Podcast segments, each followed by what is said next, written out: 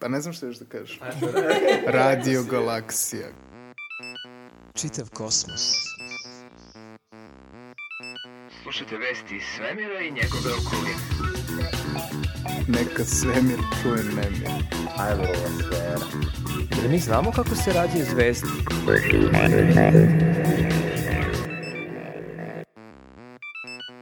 Slušate naučni megafon. Naučne vesti Radio Galaksije.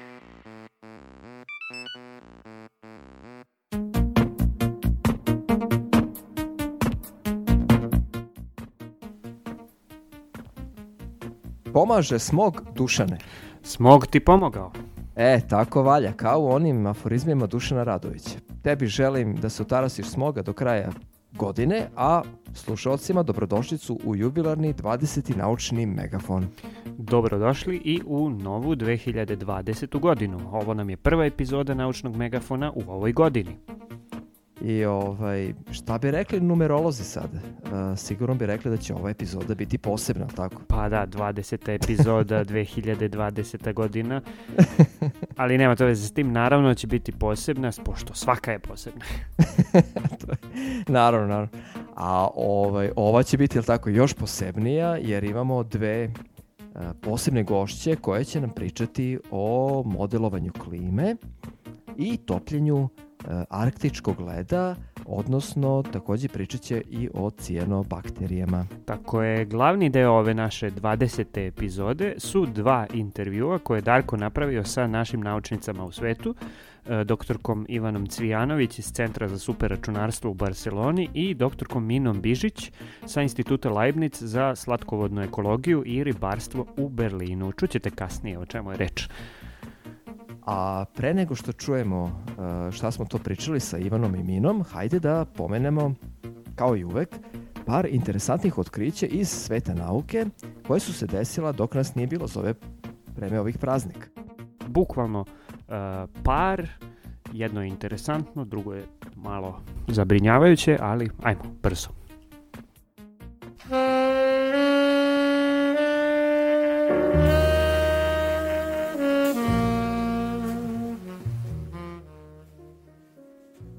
Uh, Dula, ti se dugo već zanimaš i baviš meteorima. Jesi li čuo za ovu najnoviju analizu uh, Marchisov meteorit? Naravno, to nam je prva vest na redu danas.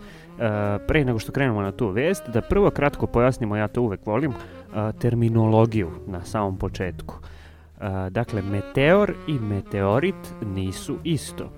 Meteor je pojava u atmosferi, ona svetlost koju vidimo, zvezda padalica, a meteorit je telo koje padne na zemlju ako padne.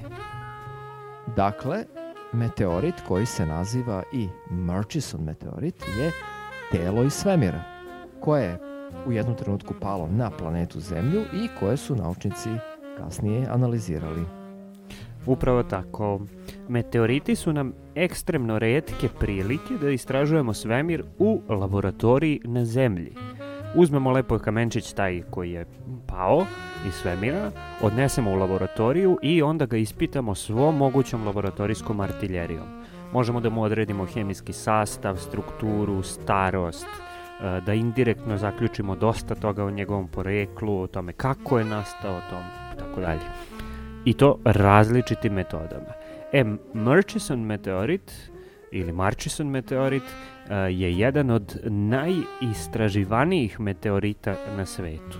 Što zbog toga što je veliki, ima masu preko 100 kg, a što zbog toga što je njegov pad posmatran e, davne 1969. godine u Australiji. Dakle, e, većina meteorita zapravo e, nema posmatran pad, nema e, isposmatran meteor koji je taj meteorit prouzrokovao dok je padao kroz atmosferu, već su samo nađeni e, na planeti Zemlji. E, ovaj ima i to i to ga čini najistraživanijim meteoritom na Zemlji.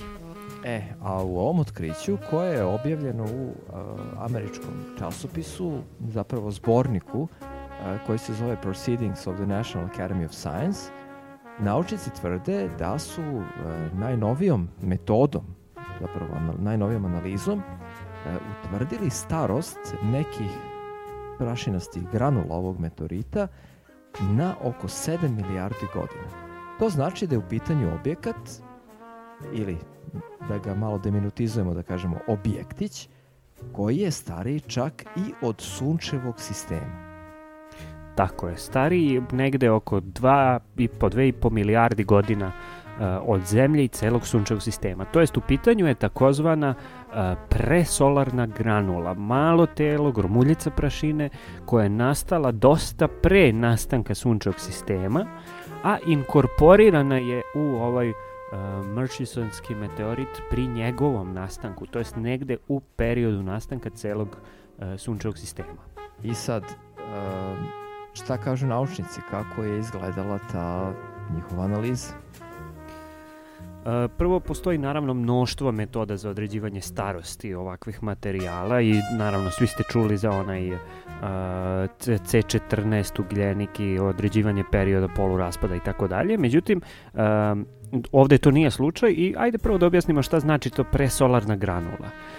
To znači da je to gromuljica prašine koja je nastala u eksploziji neke ranije zvezde. I svi znamo i pričali smo to milion puta kad zvezde eksplodiraju, prašina koja je bila deo tog a, njihovog sistema se rasprši svuda po svemiru i onda može da postane deo neke nove zvezde, nekog novog sistema. I to je u pravom smislu reči ono što zovemo zvezdana prašina, odnosno materijal te zvezde u čvrstom stanju. Stardust, kako kaže čuvena Coltraneova kompozicija koju čujemo sada u pozadini.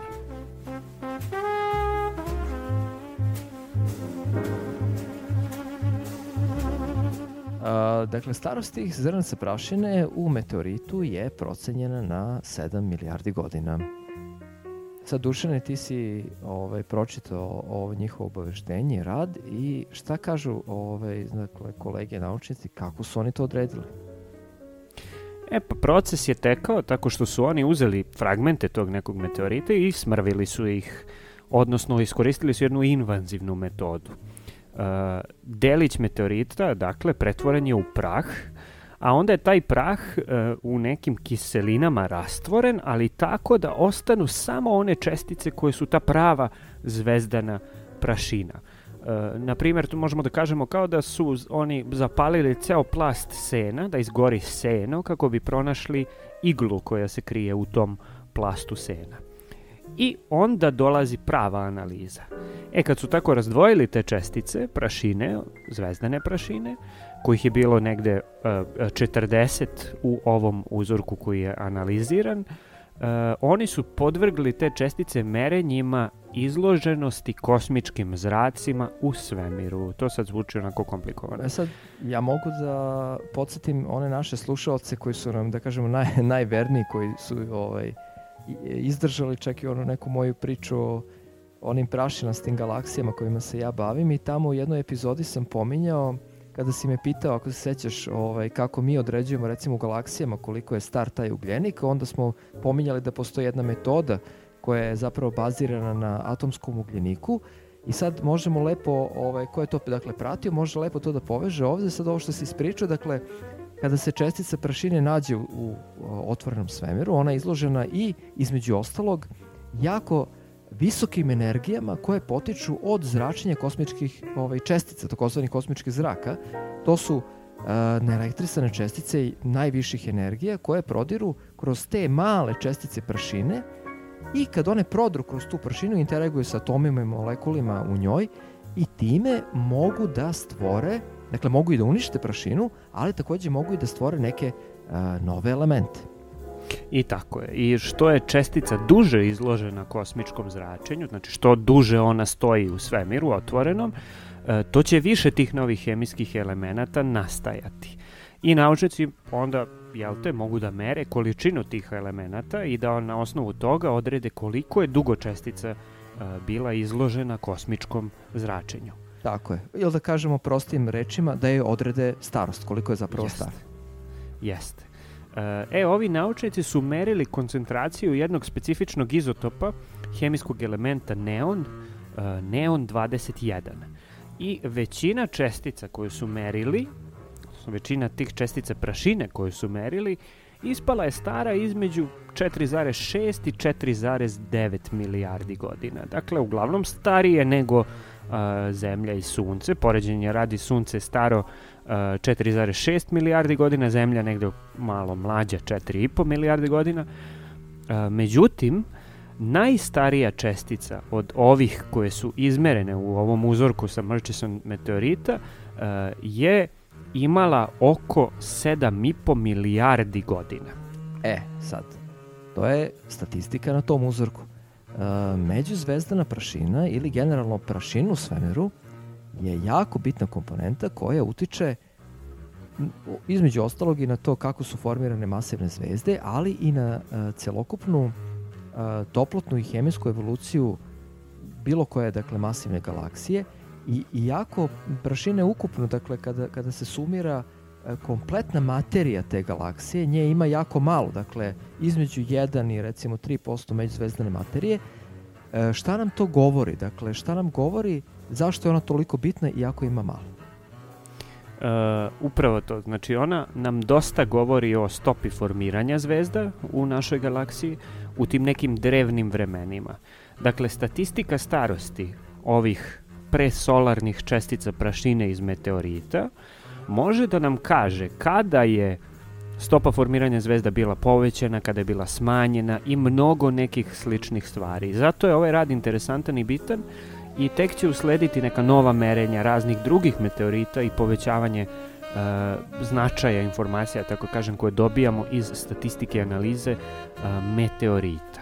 A takođe, pošto se u međuzvezdanoj prašini uh, jel te, elementi teži od helijuma nalaze, odnosno svi oni elementi od kojih su uh, sastavljene stenovite terestrijalne planete, um, one na kojima bi mogao da postoji život kakav poznajemo, onda nam međuzvezdana prašina zapravo predstavlja jedan ključni element za razumevanje jednog od najmisterioznijih pitanja nauke, odnosno pitanja života u svemiru.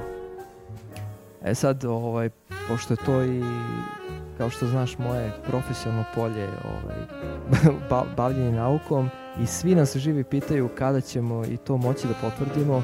Nemamo odgovor, ni ja, a evo ni ti ni ja u ovoj emisiji. Tako da šta možemo drugo da uradimo nego da idemo dalje, tako? Nažalost, samo idemo dalje.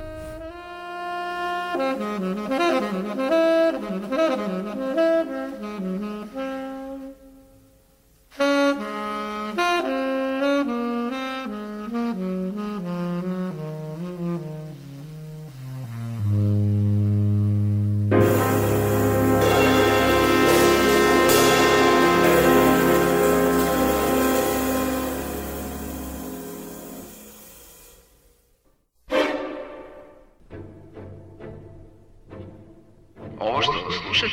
naučni megafon.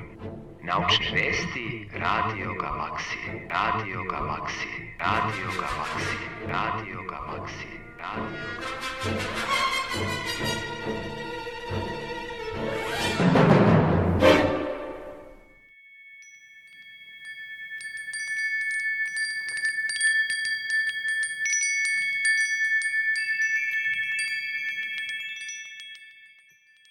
E, a sledeća vest koja uh, pomalo i, pa ne i pomalo, nego plaši ljude danima unazad, uh, dolazi takođe iz mikrosveta, ali i sveta virusa. Uh, malo vremena ćemo posvetiti koronavirusu koji je žiži javnosti, svetske javnosti poslednjih dana, jer se dešava jedna opasna epidemija, uh, tačnije jedna vrsta koronavirusa koja, posja, koja se pojavila u kineskom gradu Wuhan, to je u centralnoj Kini, E, ovih dana je svuda prisutno u medijima jer se sumnja da je u pitanju smrtonosni virus poput, ako se sećate, MERS ili SARS.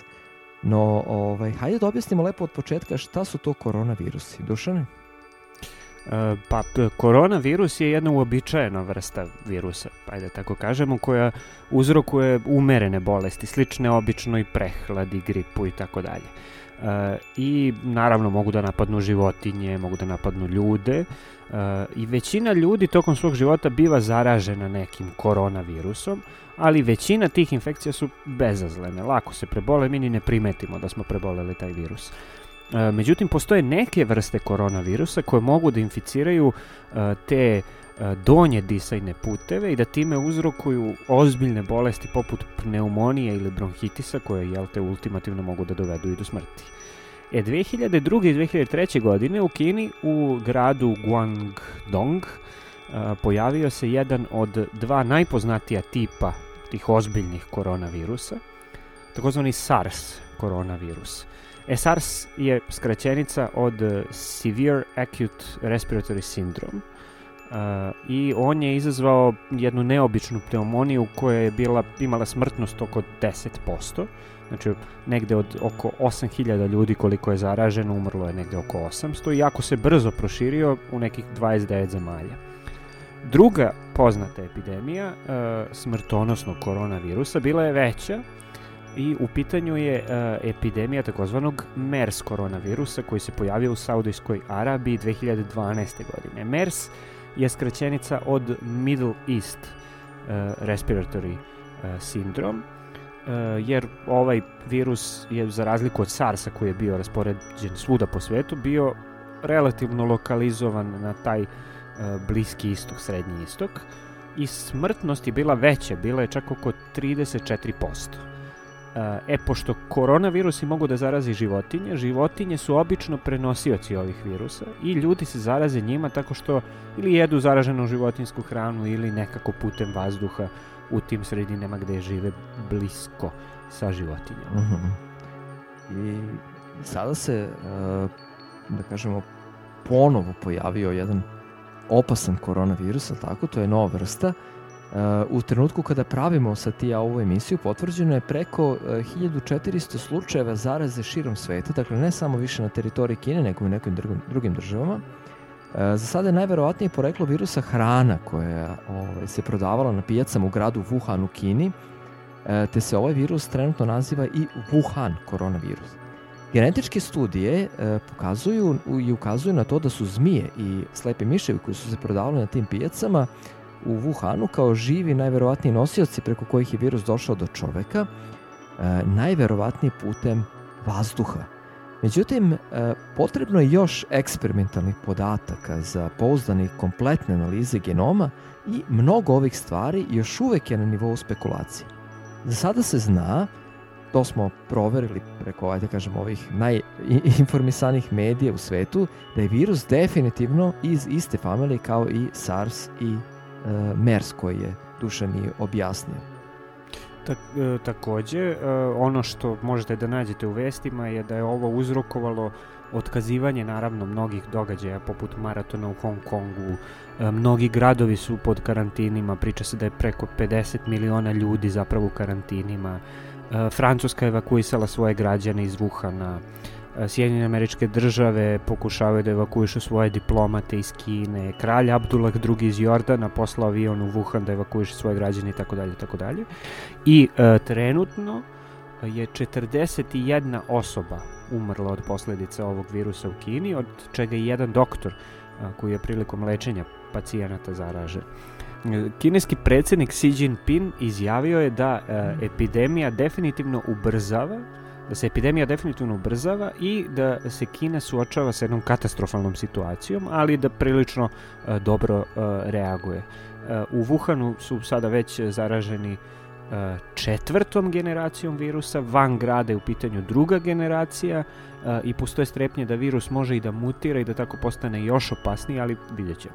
Da, sad ovaj, primetili smo da već, kako i uvek sad ide, tako, ovaj, sad na društvenim mrežama ljudi uh, kreću da, širu, da šire razne informacije, pa mislim i dezinformacije, ali uh, šire se te neki ovaj, neka pitanja i neki odgovori od toga, na primjer, kakvi su simptomi sad. Dakle, simptomi su kao kod prehlade, a leka još uvek nema. E, Tačno. Jedino... Ni vakcine. Ni vakcine. Dakle, jedino što nam ostaje je da izbegavamo kontakte sa ljudima, ali ne mislim bukvalno sad da izbegamo kontakt pa, sa svim da. ljudima, da. ne, nego bukvalno, dakle da, da pratimo šta se dešava, dakle informisanost, ali naučna informisanost je, ono mi to podvolčimo ovdje u Megafonu najvažnije, na svim većim svetskim inform, e, informativnim portalima postoje live stranice i to sad podvolčim, evo još jedan put ću reći, dakle svim slušalcima koji nas prate, dakle postoje live stranice na kojima ovaj, se mogu direktno pr, e, pratiti i prenositi ove informacije. E, ljudi koji su imali nekakav kontakt sa Kinom se naravno testiraju već uveliko širom naše planete i mi trenutno nemamo a, informaciju da se testiranje dešavaju u Srbiji. Ja ne znam, Dušan, da li ti imaš neku drugu informaciju? Dakle, osim toga Mm-mm. da je poštrena kontrola na graničnim prelazima i da je zdravstveni sistem a, kako kažu naši, mislim, ovaj, a, spreman za sprovođenje zdravstvenog nadzora sa njima. Epidemiolog a, sa Instituta za javno zdravlje Batut Darija Kisić-Tepavčević kaže u zvaničnoj izjavi da je Srbija potpuno spremna za predstojeći period ukoliko, to podvlačimo, a, Svetska zdravstvena organizacija proglasi koronavirus globalnom a, pretnjom. Jeste, da. Ima nekih vesti da se recimo na aerodroma, da, da su na aerodromima uveli termovizijske kamere na kojima se može detektovati povišena temperatura koji je LT jedan od simptoma, pa onda ide ovaj, sa nekim daljim daljim analizama, ali a, mislim da to kod nas eto, e, nekako se ne očekuje da će to doći do nas. Ipak je Kina ogromna e, zemlja, ima mnogo, mnogo e, stanovnika. Um, iako ima dosta turista kod nas, e, nadamo se da će ovo sve da se smiri i da će se naći lek uskoro, odnosno, odnosno vakcina. E, Svetska zdravstvena organizacija u ovom trenutku još uvijek to nije proglasila a, ovo a, za pandemiju, odnosno za, za globalni um, alarm. Um, tako da eto, nadamo se da će to sve da nas zaobiđe. Ipak mi zaostajemo malo za svetom, valjda će nas zaobići. Dobro, sad. ovaj, ok, a um, hoćemo da pređemo na malo neke vedrije teme. Hajde. Imamo ona dva intervjua koji si ti napravio, pa ajde da pređemo na to.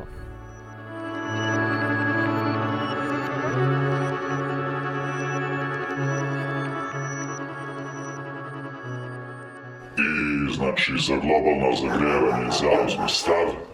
I znači jedan, dva, tri, četiri. Jedan, dva, tri, četiri. Jedan, dva, tri.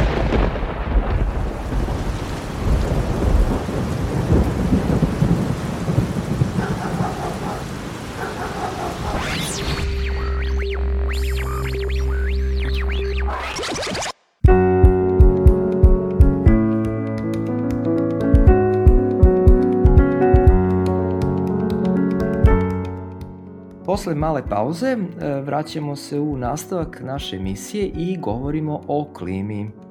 E, Procesi koji se dešavaju u atmosferi su jako složeni i potrebno je objasniti i razumeti, na primjer, na koji način nešto što se dešava u tački A može izazvati promenu u tački B zemaljske kugle. Za tu priliku mi smo danas u goste pozvali našu dragu prijateljicu dr. Ivanu Cvijanović koja trenutno radi kao istraživač u Barceloni u Španiji u grupi za predviđanje klime.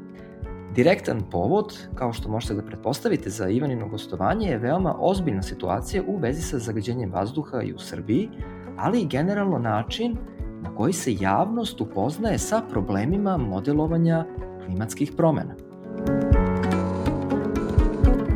Zdravo Ivana! Zdravo, Darko. Dobrodošla u Naučni megafon. E, kao što sam rekao u ovom uvodu, ti radiš u super računarskom centru u Barceloni, u grupi koja se zove Climate Prediction Group. Da li možeš za početak ljubiteljima nauke u Srbiji da kažeš kako oni mogu da znaju šta se to odnosi na nešto što podrazumemo pod vremenom, a šta ono što podrazumemo pod klimom, pošto nam se čini da u medijima ta razlika nije baš jasno naznačena i da tu postoji dosta konfuzije. Pa sad evo ti si ovako prava pozvana da nam to raščivijaš na početku. Pa hvala ti na ovom odličnom pitanju. E, Jeste upravo ta razlika između vremena i klime se često koristi u raznim debatama u vezi klimatskih promena i upravo to nerazumevanje tih pojmova nekada ljudi koji su zlonamerni znaju da iskoriste pa da zbune javnost i više nego što je potrebno u ovoj temi koja je inače dosta komplikovana.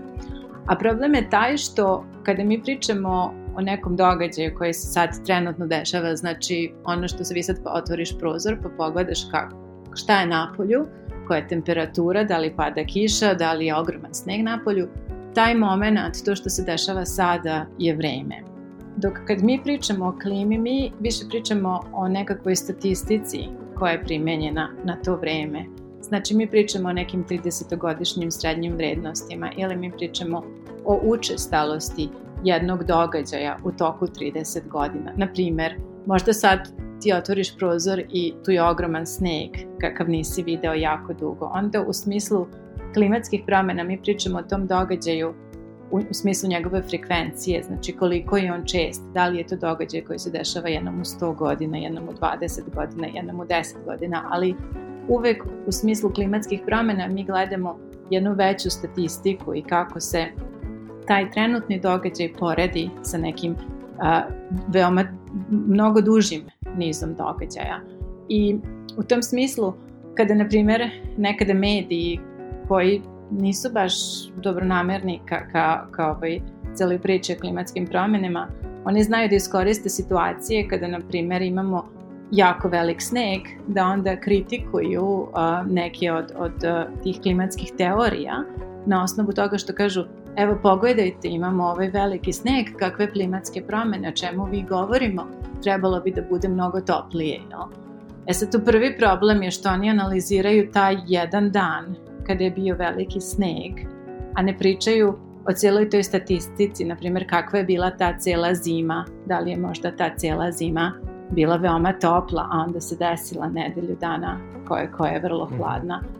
To, to je jedna stvar. A druga stvar je da što ne analiziraju taj događaj u odnosu na recimo sve zime u prethodnih 30 godina, pa da onda vidimo da li je ipak uh, takvih događaja počelo da biva manje u odnosu na to kako je bilo pre. Znači, kad pričamo o klimi, moramo biti pažljivi i, i razumeti da to nije jedan događaj u ovom trenutku, nego da je to odnos različitih događaja u odnosu na neku srednju vrednost mhm. -huh. sa kojom treba da ih Jer poredimo. upravo kao što si pomenula, uh, mi smo nekako, je da kažem, analizirajući ono kako se javnost i stanovništvo odnose prema nekom problemu koji se jave, recimo kao što je recimo požari u raznim državama ili zagađenje vazduha u Srbiji, a, dosta pogrešno predstavljaju i percipiraju ovo upravo kako si pomenula često kao isključivo lokalni problem. Dakle, ono što se izgleda potpuno zanemaruje jeste da su um, kao što si pomenula, dakle ti lokalni, po znacima navoda, problemi globalne klimatske promene u vrlo uskoj složenoj vezi. Kao što znaš, verovatno pratiš i tu situaciju, mnogi ljudi su sebi davali za pravo da što na društvenim mrežama, što na, da na televizijama, radio emisijama kače razno razne grafike, raznih merenja, često se tu ne stavi ni, ni izvor tih merenja, na primer, povezanih sa koncentracijom čestica PM2,5 i PM10 i tako dalje. I ovaj, ono što sam hteo da te pitam, hm, e, da li hm, postoje integrisane strategije koje se sa e, takvom jednom spregom efikasno bore u svetskim okvirima i da li ti je posto gde je Srbija u svemu tome? Koliko zapravo e, javnost dobro zna koliko se kvalitetno pratite uzročno posljedične veze i ovaj, da li uopšte ti naučni podaci i radovi dolaze do te javnosti? Pa, znaš kako, jedna stvar koja, koja je dobra u svemu ovome što, što je Srbija konačno dospela na te mape, da mi konačno imamo neke brojeve koji dolaze iz Srbije, nismo više crna rupa, znači postoje neke merne stanice i ti isto brojevi sad u ovom svetu u kojem smo sad svi elektronski povezani su momentalno analizirani u odnosu na brojevi iz celog sveta. I mi sad možemo sebe da vidimo u kontekstu drugih zemalja. Sad smo malo šokirani jer nekim danima, eto, mi smo loši kao Kina. Jel? I to je jako strašno. Um, mnogo velikih gradova se bori sa ovim problemom. Znači, nije, nije Beograd sam u tome. Bori se sa tim problemom, evo i, i Barcelona, um, i Madrid, znači mnogi gradovi širom Španije, uh, gradovi širom Evrope. E sad, razlika je u, u tome što su gradovi širom Evrope već počeli da prave strategije kako da se sa ovim problemom suočavaju. I druga razlika u tome koja se meni čini je da ovde stanovnici uh, mogu da se žale na taj problem, a da to da to ne bude podrazumevano da je to neko neki politički pokret. Znači jednostavno moje zdravlje je sada ukroženo i ja ću da se žalim. Nije bitno sad ko je gradonačelnik Barcelone, niti da li ja podržavam stranku iz koja ona dolazi ili ne. Ta svest je, ta svest je malo više izgrađena ovde. I zahvaljujući tome, jer su se građani žalili i nastavljaju da se žale kupljaju se zajedno i prave proteste oko zagađenja, a, u Barceloni su stvari počele da se menjaju na bolje. Tako su, na primer, uvedeni blokovi koji se zovu super blokovi, tako da u određenim već delovima grada je zabranjen saobraćaj. I ideja je da kako se um, tokom godine da će više i više ulica uh, biti pod, pod, pod takvom naredbom da samo najobavezniji saobraćaj može tu da prolazi, ali da ne može da svako kogod hoće vozi kroz te ulice. A, druga stvar je da je počela jedna faza u kojoj se automobili koji najviše emituju štetnih gasova polako zabranjuju da ulaze u grad Barcelonu. Tako da sad ove godine je krenula ta implementacija prve faze sa najlošijim motorima, sledeće godine će, će biti još strožije i strožije, tako da e, se stvarno oni su razmišljali o tome i počeli su da prave planove kako da reše ovaj problem, znači ne negiraju ga. Ovo je, na primjer, ovde grad od 1,5 milion stanovnika, a cela, celi taj region Barcelona ima 5 miliona stanovnika. Znači, to je jako puno vozila, jako puno saobraćaja, to je velika luka. Ovo je grad sa jako a, efikasnim metrom, ali uprkos tome zagađenje je prisutno. Kao na sve to nailaze ti klimatski meteorološki faktori. Znači dođe dan kada nemamo vetra i problem postaje mnogo veći. E sad, u odnosu na klimatske promene, postavlja se pitanje da li će takvih dana biti više u budućnosti, jel? Da li će kombinacija meteoroloških faktora koje mogu da se dese u budućnosti biti takva da u kombinaciji sa zagađenjem um, mi dobijamo neke uslove koje su mnogo štetnije za ljude. I u dosta gradova u Evropi odgovor na to pitanje je da, nažalost. Tako da i u tom smislu, pored toga što moramo da, da sad polako počnemo da vodimo računa ne polako, zapravo brzo moramo da počnemo da vodimo računa da limitiramo emisije štetnih gasova, takođe štetnih gasova u odnosu na klimatske promene, takođe treba da razmišljamo jel, i o ovim gasovima koji nas na, u mnogo kraćem roku ovaj, na, imaju impakt na naše zdravlje. Da komentarišem još taj događaj koji nas je toliko morio tih nedelja oko nove godine u, u Srbiji. Um, to je meteorološki i klimatološki, kako, kako se da ćemo gledamo, bio neobičan događaj u smislu da je sever Evrope bio dosta relativno topao, ovaj, a da smo mi bili relativno hladni. E sad, kao što, kao što sam spomenula na početku, e, nama je ja skoro nemoguće sa klimatološke perspektive sad takav jedan događaj momentalno atribuirati klimatskim promenama.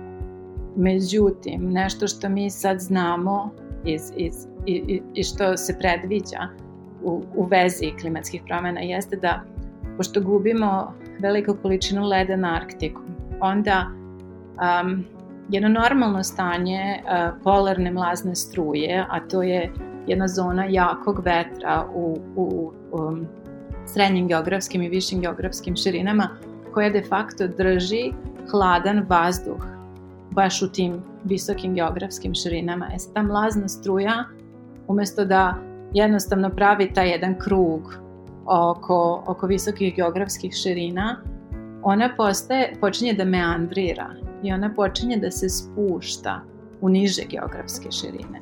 Tako da sada može da se dešava i, i, i to čekamo da će se dešavati više i više u, u narednim dekadama, je da ta mlazna struja kako meandrira, da ona dozvoljava prodore jako hladnog vazduha u niže geografske širine, a istovremeno kad meandrira na gore, onda dozvoljava prodore toplog vazduha u visoke geografske širine. Tako da taj neki događaj koji smo imali da, da, da sever Evrope bude de facto topliji od juga Evrope je konzistentan sa nečim što verujemo da će se dešavati više u budućnosti, a što ima veze sa meandriranjem mlazne struje vezano za um, nestajanje artičkog leda.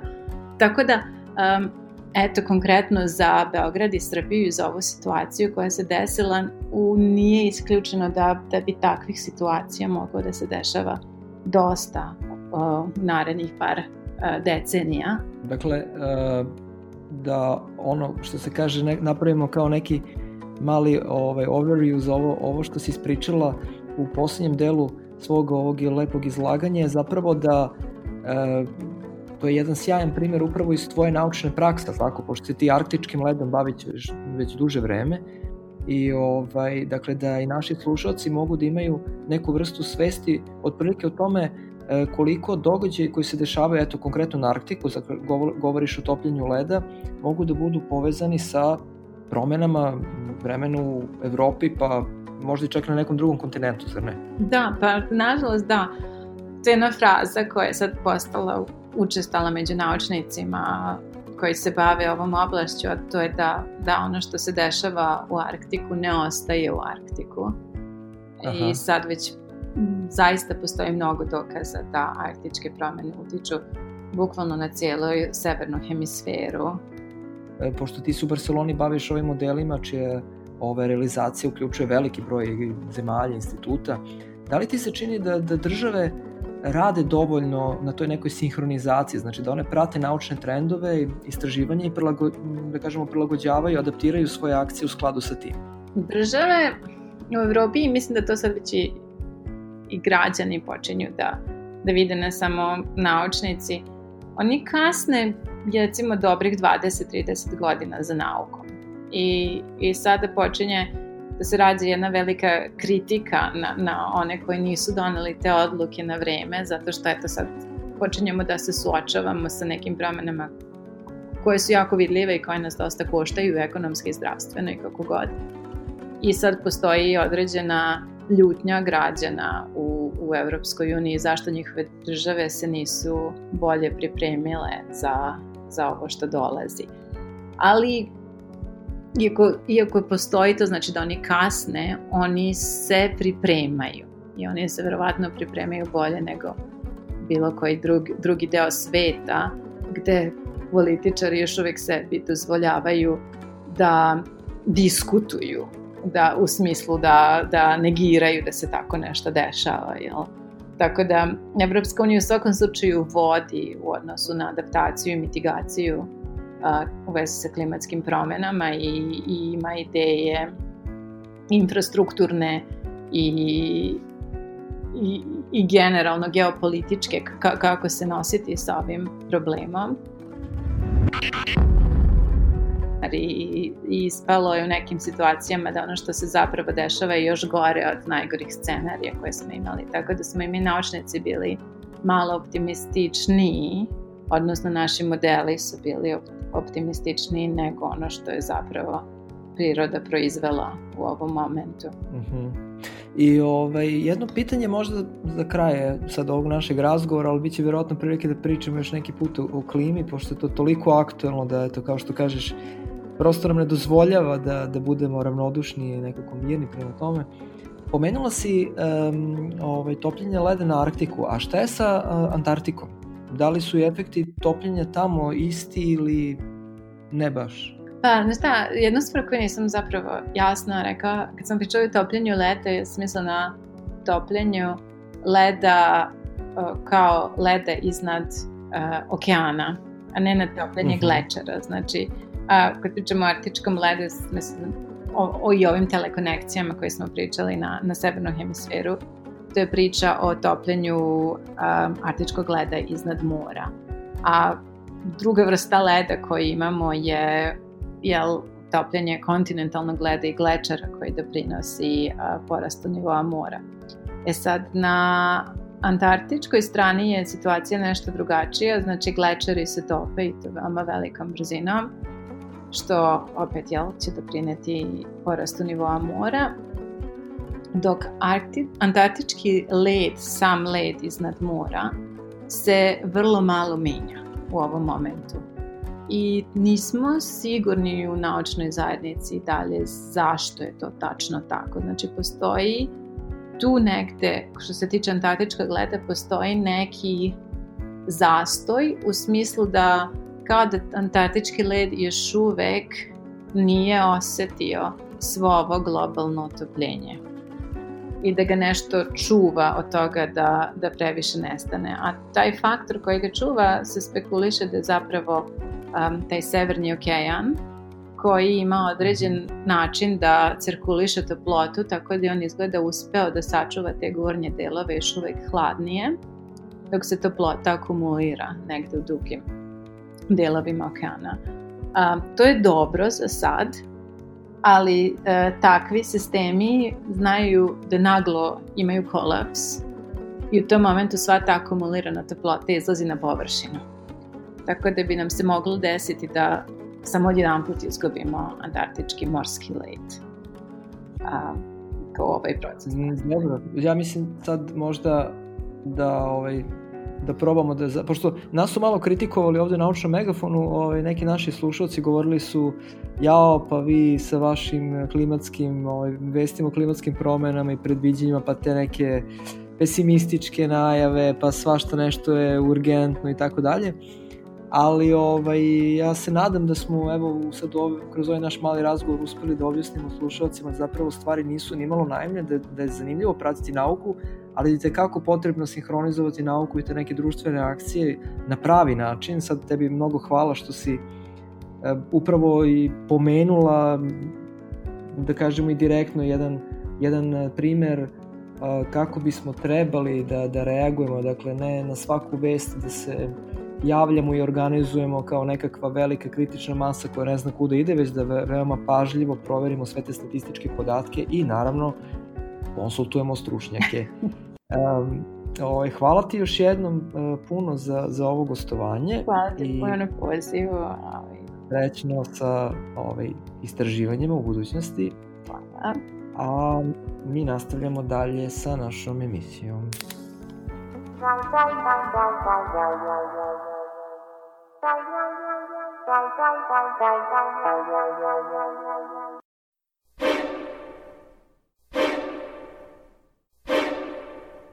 Ovo što slušate je naučni megafon.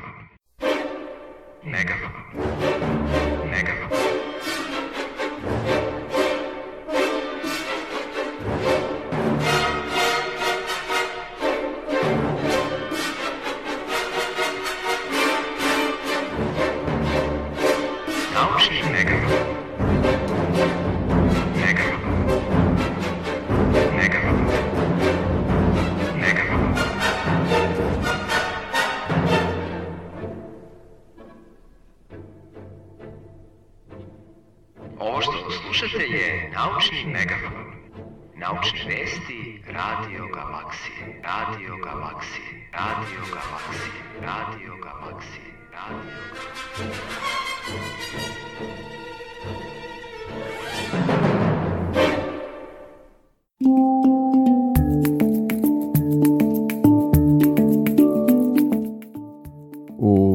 Nastavku emisije govorimo o jednom istraživanju u kojem su ispitivane modrozelene alge. Modrozelene alge ili cijenobakterije su svuda, a da li ste se pitali kakve sve efekte one mogu da proizvedu? Iz srednjoškolskih lekcija iz biologije, verovatno se sećate da su cijenobakterije najstarija grupa fotoautotrofnih organizama na Zemlji, jer je dokazano da postoje već 3 milijarde godine. Fotoautotrofan znači da može sam sebi da stvori organsku materiju iz neorganske koristeći svetlost. Ono što je interesantno, one su za to sve vreme zadržale niz primitivnih karakteristika kao što su prokariotski tip ćelije ili vegetativni način razmnožavanja.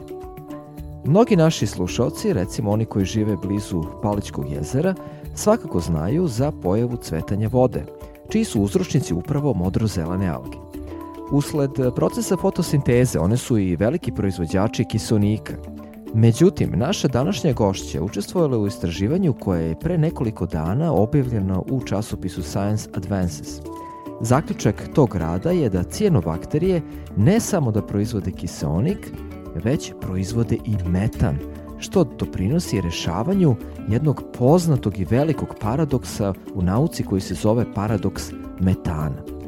Naša današnja gošća je dr. Mina Bižić, istraživač u Nemačkoj na Leibnicovom institutu za ekologiju slatkih voda i rečno ribarstvo.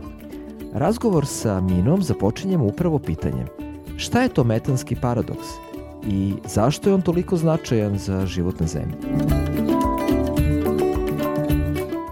Darko, hvala što ste me pozvali da gostujem u vašoj emisiji. Zadovoljstvo mi je da podelim sa slušalcima naučnog megafona svoje istraživanje i to na maternju jeziku, koji inače nisam koristila u naučnoj komunikaciji pa poslednjih 15 godina. Ali pre nego što objasnim šta je to paradoks metana, želim da se podsjetimo zašto je uopšte važno da proučavamo metan. Većina efekata klimatskih promena koje doživljavamo se dešavaju zbog efekta staklene bašte, koji je pored vodene pare većinom prouzrokovan ugljen dioksidom, metanom i azot suboksidom. Sad, uglavnom se rasprava o globalnom zagrevanju vrte oko ugljen dioksida kao glavnog pokretača efekta staklene bašte, međutim, od kraja 18. veka i početka industrijske revolucije, relativna količina metana se povećala 200% u poređenju sa 30% povećanjem ugljen dioksida u tom istom periodu.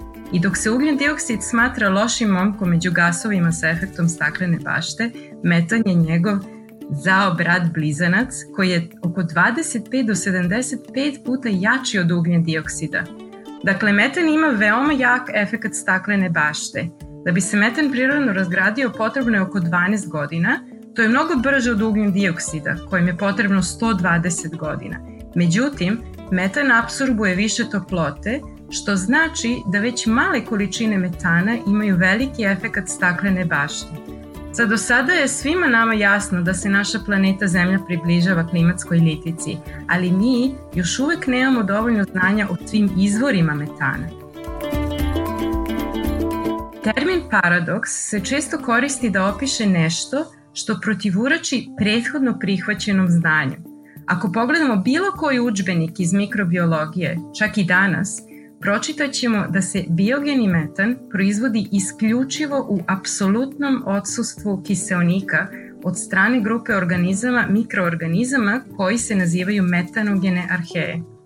U anaerobnim sedimentima, dakle, da, dakle u odsustvu kiseonika, na dnu jezera i okeana, ove metanogene arheje proizvode velike količine metana, I već po proizvodnji metana u sedimentu i kasnije kada ovaj metan dospe u vodeni stub, on biva prilično brzo potrošen od strane metanotrofa. Metanotrofi su bakterije. One mogu da metabolišu metan i to kao jedini izvor ugljenika i energije. Oni mogu da rastu i u prisustvu i u odsustvu kiseonika. A kao rezultat ovog procesa oksidacije metana, taj metan koji je proizveden u sedimentu ne bi trebalo da dospe u površinske vode koje su obogaćene kiseonikom. Naravno, priroda nije savršena, pa tako nije ni ovaj proces savršen i u stvarnosti ipak male količine metana uspeju da pobegnu u površinske vode. 1976. godine grupa naučnika sa Okeanografskog instituta Woods Hole izmerila je iznenađajuće visoku koncentraciju metana u vodama zasićenim kiselnikom u zalivu Walvis u Namibiji. Ta visoka koncentracija ili metanski maksimum znači da je lokalna koncentracija metana veća od koncentracije ispod i iznad maksimuma. Niža koncentracija metana iznad maksimuma objašnjava se potrošnjom, to jest oksidacijom metana i transportom gasa u atmosferu, a niža koncentracija ispod maksimuma znači da se metan formirao lokalno i da ne potiče iz anoksičnih sedimenata sa dna jezera ili okeana.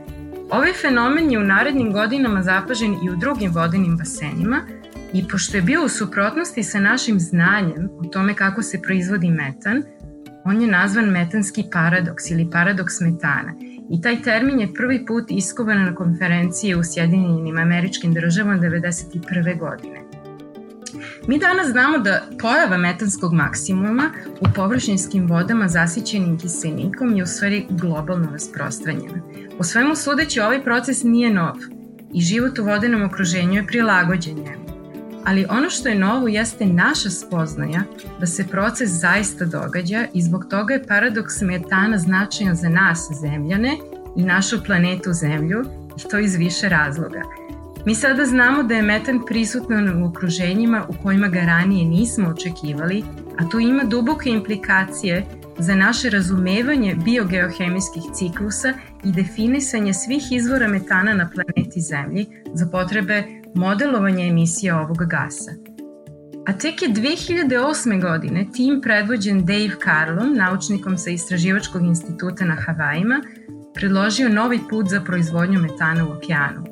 Karl je pronašao moguće rešenje ove enigme, ovog paradoksa, u složenim metilfosfonatima, čija razgradnja može da dovede do proizvodnje metana. Mi danas znamo da je ovo otkriće samo jedan komad slagalice u rešavanju cele enigme proizvodnje metana u delovima vodenog stuba zasićenih kiseonikom, gde je klasična proizvodnja metana generalno nemoguća, jer kiseonik inhibira proces metanogeneze. Mina, koliko sam e, shvatio čitajući vaš rad i uopšte koliko sam mogao da razumem čitajući vaš rad, um, ovo vaše otkriće na neki način promena paradigme. Mi smo često u naučnom megafonu govorili o promenama paradigme u nekim drugim naukama, a da bismo objasnili slušalcima koji žele recimo u budućnosti da se bave naukom, mi ćemo sada prvo reći da menjati paradigmu znači da se neko postojeće shvatanje u nauci drastično menja.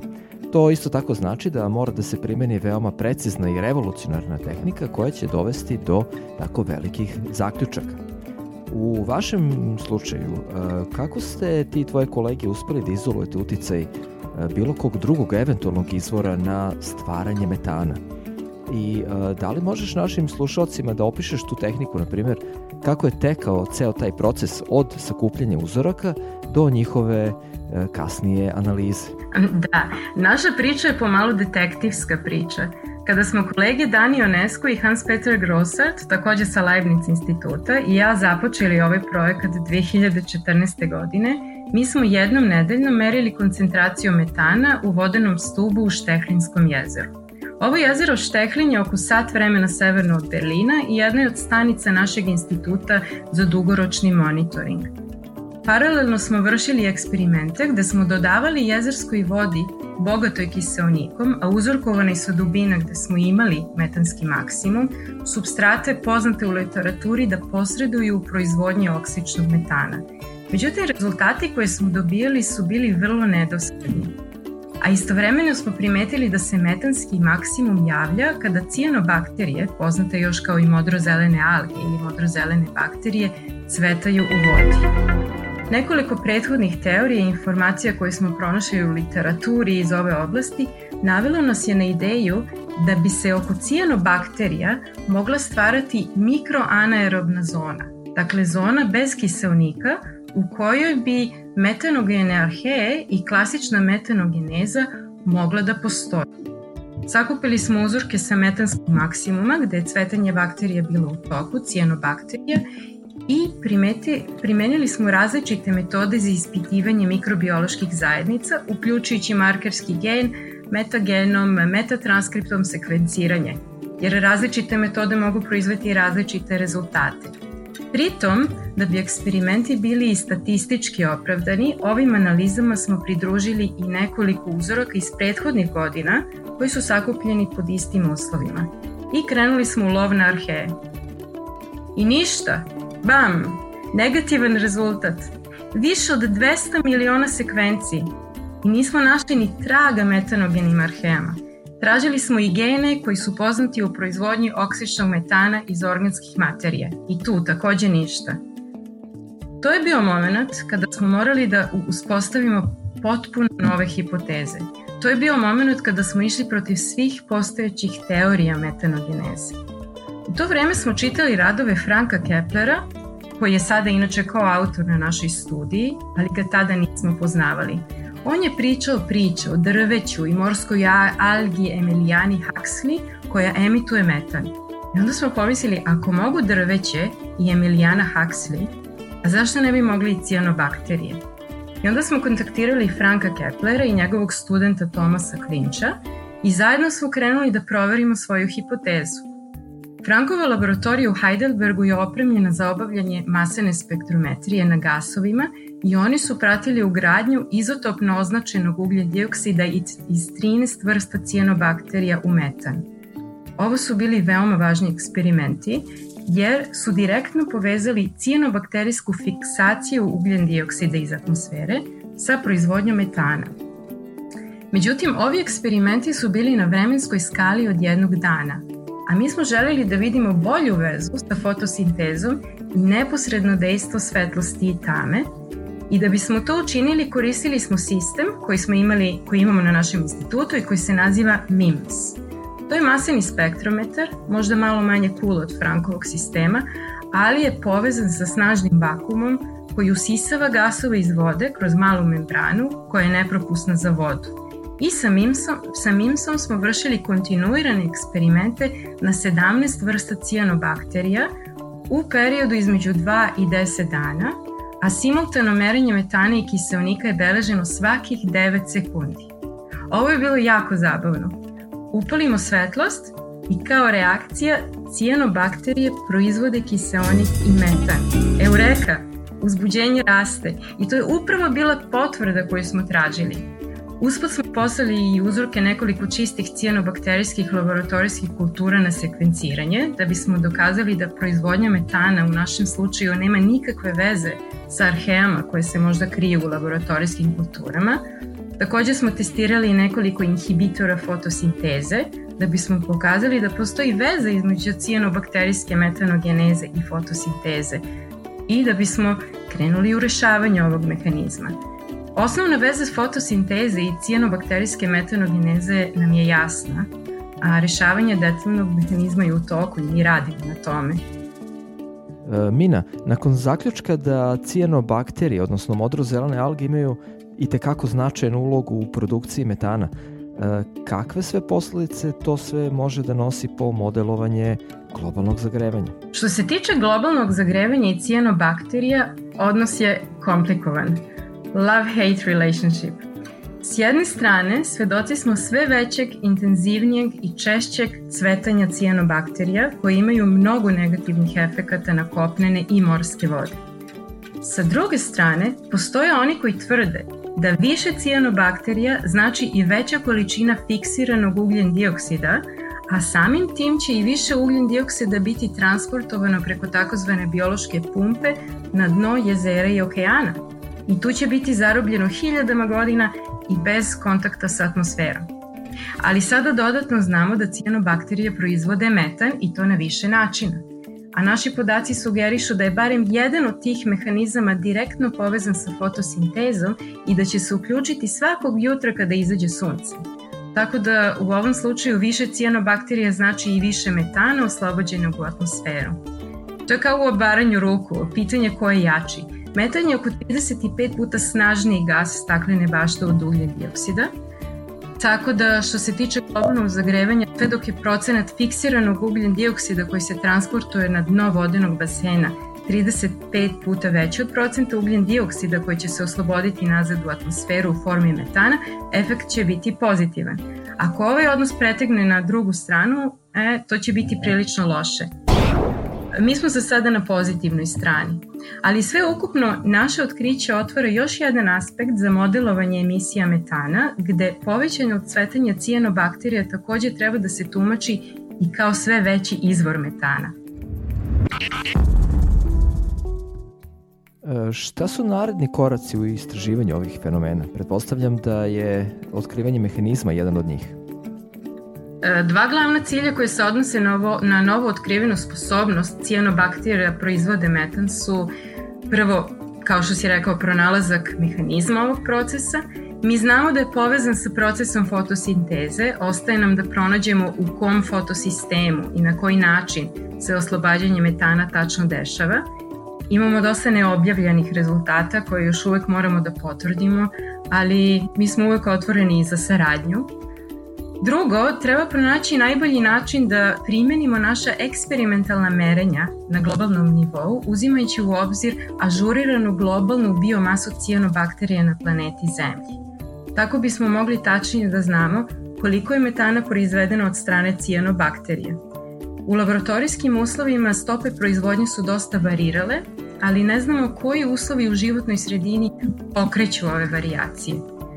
I naravno još uvek postoje druge nepoznanice u paradoksu metana. Na primer, u poglavlju knjige koje smo po, mi smo pokazali da se grupa substanciji koja se naziva metilamini, a koji su tipičan proizvod raspadanja organske materije, takođe mogu pretvoriti u metan u aerobnom okruženju. Ali kako, još uvek ne znamo. Za sam kraj možda jedna zanimljiva konekcija uh, koja će, pretpostavljam, biti interesantna uh, našim slušalcima. Jedan uh, drugi naučnik koji je poreklom iz Srbije, Vlada Stamenković, koji radi na GPL-u Pasadeni i koji ispituje uslove za život u sunčevom sistemu, prošle godine je objavio rad u Nature Geoscience magazinu i on je tamo istakao da će cijenobakterije imati i veoma značajan udeo u naseljivosti Marsa, e, gde bi bile jedan od glavnih proizvođača kiselnika. I sad pitamo tebe e, kako ti se čini ova ideja i da li bi možda volila ili da li možda možemo da očekujemo da uskoro svoje istraživanje premestiš iz domena Zemlje na Mars?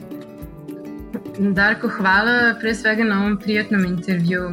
Uživala sam da budem vaš gost u emisiji i radujem se sledećoj prilici da posetim naučni megafon. A što se tiče cijanobakterija na Marsu, Naišla sam na nekoliko studija koje razmatraju cijanobakterije kao glavne generatore kiselnika na Marsu i čini mi se da će cijanobakterije biti srećne pod marsovskom atmosferom.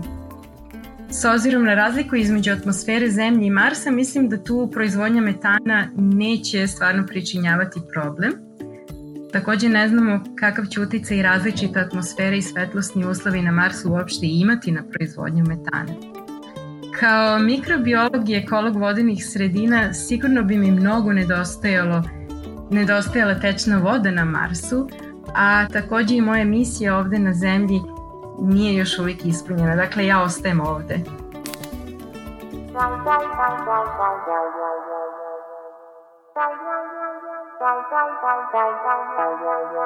Ovo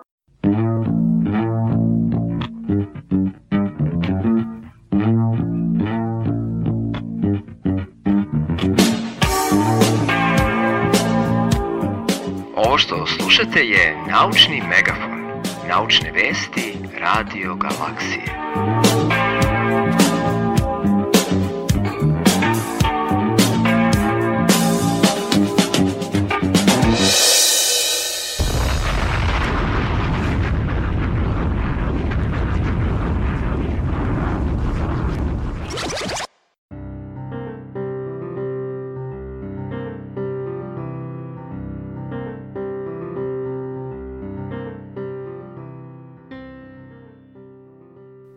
To je bilo sve za danas.